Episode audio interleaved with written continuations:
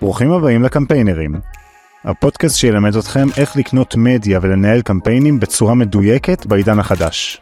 עם ניסיון בניהול מדיה של למעלה מ-200 מיליון ש"ח, לשחקנים הגדולים במשק הישראלי ועוד שחקנים משמעותיים בשוק הבינלאומי, אנחנו הולכים לפרק את מערכות הפרסום לגורמים ולדבר איתכם על איך מנהלים את המדיה בצורה האפקטיבית ביותר על בסיס הניסיון שלנו. תבלו. אמיתי. שמע, זה הורג אותי שאתה כל פרק פותח עם השם שלי. אני, אוהב את השם, אחי, שם יפה. אמ, יאללה, היום אנחנו הולכים לדבר על נושא מאוד מעניין. אני חושב שהוא מרכיב מאוד משמעותי בהצלחה שלנו מול לקוחות. וזה בעצם שיטת המדידה, אמ, שיטת המדידה שלנו. איך אנחנו נמדדים ומה הדדים שאנחנו בוחרים בעצם לנטר ולעקוב אחריהם ממש יום יום בשביל להבין האם אנחנו מספקים את התוצאות שהלקוח צריך ורוצה. ואני מדבר על MER, שזה מידי אפישנסי רשיו, זה אומר כמה כסף יצא וכמה כסף נכנס. הדבר השני שאנחנו רוצים לציין, זה בסופו של דבר יש יעד. לקוח מרוויח בחודש מיליון שקל, חודש הקרוב הוא רוצה לקבל מיליון 200, הוא מוכן להוציא על זה 200 אלף שקל, MER 6, בוא. נרוץ.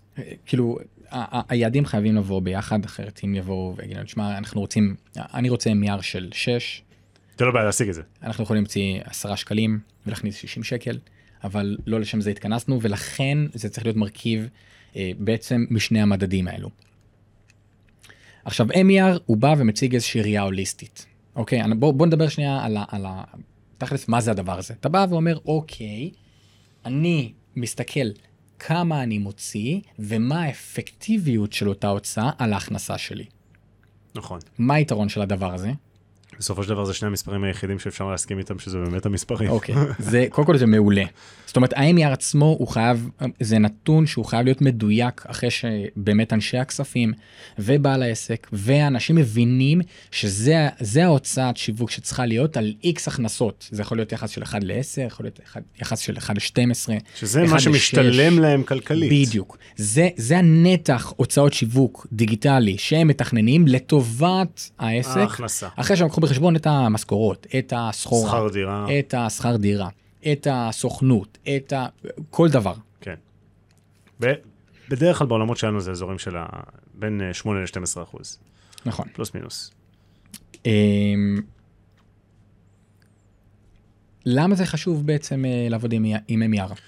בעצם, כמו שציינתי, זה שני הנתונים שהם הכי הכי, שאפשר להסכים איתם. זאת אומרת, אנחנו יודעים כמה כסף נכנס, אנחנו יודעים כמה כסף יצא, ומאוד מאוד קל למדוד את זה, ואנחנו והלקוח מסתכלים על אותו, בעצם אותו אה, אה, אה, יעד, שעל בסיס, בסיסו אנחנו קובעים האם יש פה הצלחה או לא הצלחה. עכשיו, כן, אפשר להתווכח של עכשיו, אה, אנחנו בסופו של דבר אחראים רק על הפורשן של ה-PPC, ויש עוד הרבה מאוד פורשנים, אבל עדיין אנחנו אני, מבינים... אני חושב שזו נקודה חשובה, כי, כי כן יש לקוחות שבהם צריכה להיעשות מדידה שהיא קצת יותר מדויקת פר צ'אנל, כי אין פה בעצם איזה מותג שכבר יש לו blended מטורף של channels, וכבר קשה מאוד להבין מי משפיע על מה, אלא כן יש לו עבודה מאוד ממוקדת, וברגע שאתה עובד ממוקד על channel מסוים, בוא ניקח לצורך העניין עכשיו לקוח אמריקאי, שזה brand לא מוכר, והוא מחליט שהוא עובד בתוך קטגוריה מסוימת ורק על ביטויים מסוימים, אז מאוד קל למדוד את ההשפעה הספציפית של מה שקורה בגוגל לצורך העניין על העסק. נכון, אם, אם אתה מריץ רק גוגל, וכל העסק שלך נע מגוגל,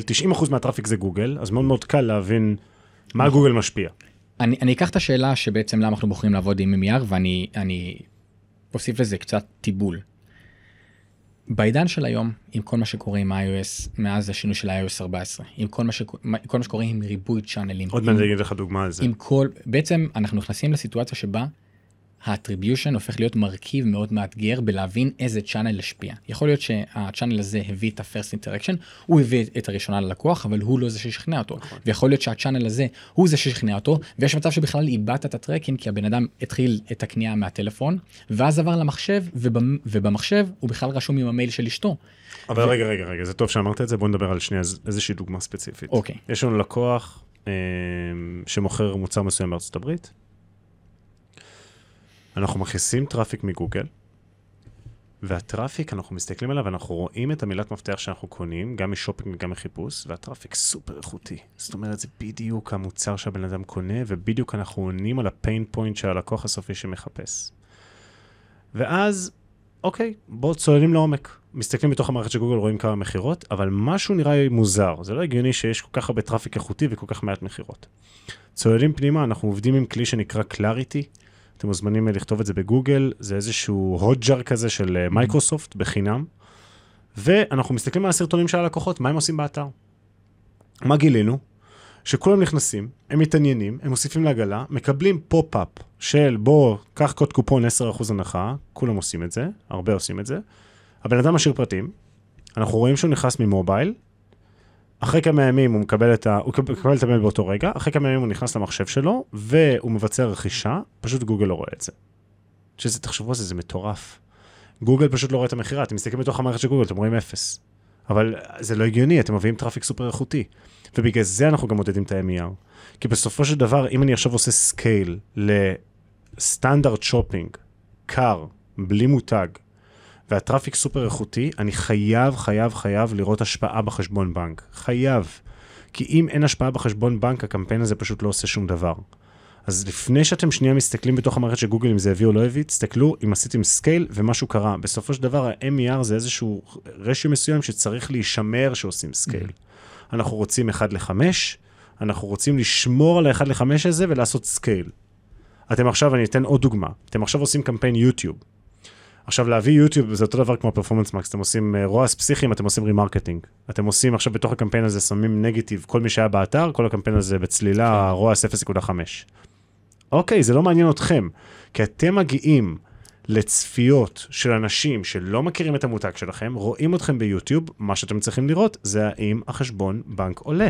זה הרי לא אכפת לכם אם הוא יחזור אחרי זה אורגני, או direct, או marketing automation, זה לא מעניין, זה גם לא מעניין את הלקוח. אני נתתי לך עכשיו 100 אלף שקל ליוטיוב, מה קרה לי בחשבון בנק? זה אותו דבר. עכשיו תמשיך. מה החיסרון של הדבר הזה? כי אני, היתרון הוא, עכשיו דיברת עליו. בסוף אתה מגיע לאיזשהו cap. תשמע, אם אני מדבר על השוק הישראלי, השוק פה בסוף, אה, אין פה, זה לא שוק ענק מארצות הברית, אבל בסוף אתה מגיע לאיזשהו cap, כאילו, אתה רוצה אחד לשבע, יש איזה גבול מסוים. אז לפעמים, אתה יודע, יש לקוחות שאנחנו אומרים, תקשיב, אה, אני, אני כבר הגעתי ל reach מטורף, הגעתי לכל, להמון יוזרים, זה מה שאנחנו יכולים לעשות. אז עכשיו, או שתביא מוצרים חדשים, או שעכשיו אנחנו מנסים להגיע ללקוחות חדשים בצורה מסוימת, ואתה מנסה להגדיל את ה frequency שלהם, אבל זה לא משהו שהוא תמיד אה, זה, בסוף אתה מגיע לאיזשהו cap מסוים. אז בעצם החיסרון, אחד, זה בעצם שיש פה באמת cap, כי זה שוק קטן. החיסרון השני שאני רוצה לציין, היא שלפעמים, מתי שאתה מודד את הדברים בצורה הוליסטית, אתה עדיין מסתכן בלאבד קצת אפקטיביות. ולכן, עם כל הראייה ההוליסטית של ה-MER מלמעלה, עדיין צריך אה, לייצר סוג של benchmark או מדדי משנה, שבאים ואומרים, ה channel הזה, הוא צריך לתפקד מינימום בתצורה הזאת. נכון, ואיך אנחנו עושים את זה? מסתכלים, גם ציינו את זה בפרקים הקודמים, אבל אנחנו מסתכלים על בעצם ה channel הזה, מה הוא מהווה מתוך החשבון בנק. גוגל מהווה 40% מתוך ההכנסה. אוקיי? אני שנייה לא אציין עכשיו אה, brand או לא brand, אבל הוא מהווה 40%, וזה ה benchmark שלי. וכל עוד אני ב-40%, וה-60% מגיעים בצורות אחרות, אפשר לעשות scale. כי אני לא יכול לדרוש מגוגל להיות 80 אחוז, אי אפשר לעשות לזה scale. זה בסוף נגמר, אתם דורשים מהמערכת יותר מדי, ואי אפשר, בגלל זה יש לנו לקוחות שה-90 אחוז מה traffic שלהם הוא PPC. והם רוצים MER 6, לפעמים זה, זה פשוט, מה זה קשה, לא, זה, קשה, זה, זה, פשוט, זה קשה, ועל סף הבלתי אפשרי, כי ה-conversion rate צריך להיות כל כך גבוה בשביל לקבל כסף באותה שנייה. והמדיה תמיד מתייקרת, תמיד גוגל ופייסבוק יהיו כל שנה יותר ויותר mm-hmm. יקר. אז זו, זו הבעיה, וזה למה אנחנו מודדים את הדברים ככה. אמ, תמשיך, מה התחלת להגיד על, אה, על כל הנושא הזה? אמרתי שהחיסרון בזה שאתה מסתכל מלמעלה, יש כאילו קיימות סיטואציות שבהן אתה כנראה עומד יער, אוקיי, הלקוח בא ואמר תהיה 1 ל-10. ואתה נמצא ב-1 ל-10, כי הלקוח הזה כן יש לו retention בריא, נכון. וכן יש לו תפקוד טוב של האורגני, אבל יכול להיות שמסתתר שם איזה channel, או קמפיין בתוך פייסבוק, או קמפיין בתוך גוגל, שוואלה הוא לא עובד טוב, ואם אתה, או אם אנחנו לא עושים את המכות הנדרשות, ובאים ובוחנים את הדברים, יש מצב שאנחנו שורפים כסף ושורפים אפקטיביות, כי אנחנו כן עומדים ב-MER וכן עומדים ביעד. אחד משני הדברים יקרה אחרי שאתה צולל פנימה. הדבר הראשון שיקרה זה, זיהית איזשהו צ'אנל לא עובד מספיק טוב, שיפרת אותו, אחד מהשניים יקרה. או שה-MER פתאום יגדל, 1 או ל-12, שתוכל להגדיל את ה-revenue. או שאתה מפנה תקציב לדברים שהם עוד יותר קרים, שתוכל להגדיל את ה-revenue ולשמור עליהם. נכון. אז, אז מה שאנחנו בסוף- אומרים, אז מה שאנחנו אומרים שבעצם יש איזה מחזוריות מסוימת. ה-MER, העסק צריך להבין מה ה-MER שהוא מוכן להשקיע. כמה, זה אומר האם, האם אני במצב בריא. בדיוק. ואנחנו בתור אנשי שיווק צריכים ללא הפסקה כל הזמן צריך בעצם לדרוש מהמערכות או לאפטם את המערכות בצורה כזאת שיביאו ביצועים טובים יותר. יכניסו יותר traffic במחיר פחות זול, שה traffic יהיה איכותי ושהוא ימיר. נכון. ברח לי מהראש מה רציתי להגיד. בקיצור, דיברנו על החסרונות, דיברנו על היתרונות. אמ, אני חושב שזהו. כן, ה-MER אה, זה נתון אה, סופר קריטי, זה נתון שמאוד מאוד קל להתייחס אליו בין, בין איש, איש שיווק ללקוח. זה שני דברים שמאוד מאוד מסכימים איתו. מה שרציתי לציין, זה מה שנזכרתי, זה שצריכים תמיד לדרוש מהלקוח את המינימום של המינימום MER שהוא מוכן לעמוד בו. כי ככל שהוא נותן מספר יותר נמוך, ככה יש לנו יותר breathing room לזוז. זאת אומרת, אם הוא אומר, אני רוצה 1 ל-5 לדוגמה, או כאילו, אני, אני מקווה שכולם יבינו אותי, ככל שה-MER יותר אה, למטה, 1 ל-5, אז יש לי יותר מקום לזוז, יותר כסף להוציא, אפילו לעשות יותר טסטים, על מנת להגיע ליעד הזה. אה, וזה בגדול שם המשחק. יש פה עוד כל כך הרבה משתנים של רווחיות ולא רווחיות, וכל הדבר הזה מתגלם בתוך ה-MER. אמ, אני חשוב שוב לציין, המדד הזה של MER הוא חשוב בעיקר לחברות גדולות יותר שכבר משקיעות במספר ערוצים במקביל. אם מדובר על עסק חדש שמאזין לנו והוא אומר אוקיי אני אתחיל למדוד ב-MER, שוב, אם אתה פועל על צ'אנל אחד בלבד אז מאוד קל למדוד את זה. אם כרגע אין לך שום פעילות אורגנית ושום דבר אתה מתחיל רק פייסבוק אז פייסבוק הופך להיות ה, בעצם המדד העיקרי כמה הוצאתי בפייסבוק כמה הכנס לי נכון. בעסק זה, זה זה מאוד מאוד קל. ככל אבל בבקשה, מתקדם- אל תקבע יותר מ-2-3 MER, כי אם אתה באזורים של ה-6 זה יהיה מאוד מאוד קשה. אלא אם יש לך AOV ו-conversion rate מטורף.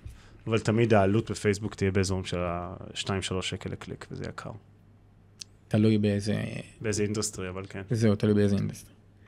אמ, טוב, נראה לי שזהו, אמיתי. כן. אז דיברנו על MER, דיברנו למה, למה אנחנו בוחרים אנחנו למדוד בצורה בו. הזאת. אמ, דיברנו על זה שאי אפשר למדוד, אי אפשר אמ, בעצם להחליט על MER כמדד אם אתה לא שם בעצם מדד נוסף של לאיזה revenue אתה רוצה להגיע. כן, דיברנו על. היתרונות, שהיתרונות העיקריים זה בעצם אה, להתגבר על בעיית ה attribution שיש בימינו, על ריבוי מכשירים, על אה, כל מיני tracking. blocking, iOS, כל מדיניות הפרטיות שהולכת ומחמירה, ואנחנו, זה גם ילך ויחמיר.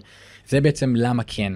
Um, הבעיות בזה, שאם אתה מסתמך יותר מדי רק על ה-MER, אתה עלול לפספס um, אפקטיביות בתוך הקמפיינים. לכן כמובן שחשוב להמשיך לאפטם וכל הזמן לבחור כל צ'אנל לעצמו וכל קמפיין לעצמו, ולוודא שהוא אכן מספק את התוצאות. בדיוק. תודה רבה חברים. סיכמת פצצה. נתראה בפרק הבא. להתראות. תודה רבה שהאזנתם לנו, אנחנו היינו עידן ועמיתי מסוכנות PPG דיגיטל, מוזמנים לפנות אלינו לכל נושא באתר, בלינקדין או במיילים שלנו שמצורפים לתיאור הפרק. כמובן שאתם מוזמנים לעקוב אחרינו בלינקדין, ששם אנחנו משתפים עוד המון מידע על case studies ו-best practices, ונתראה בפרקים הבאים.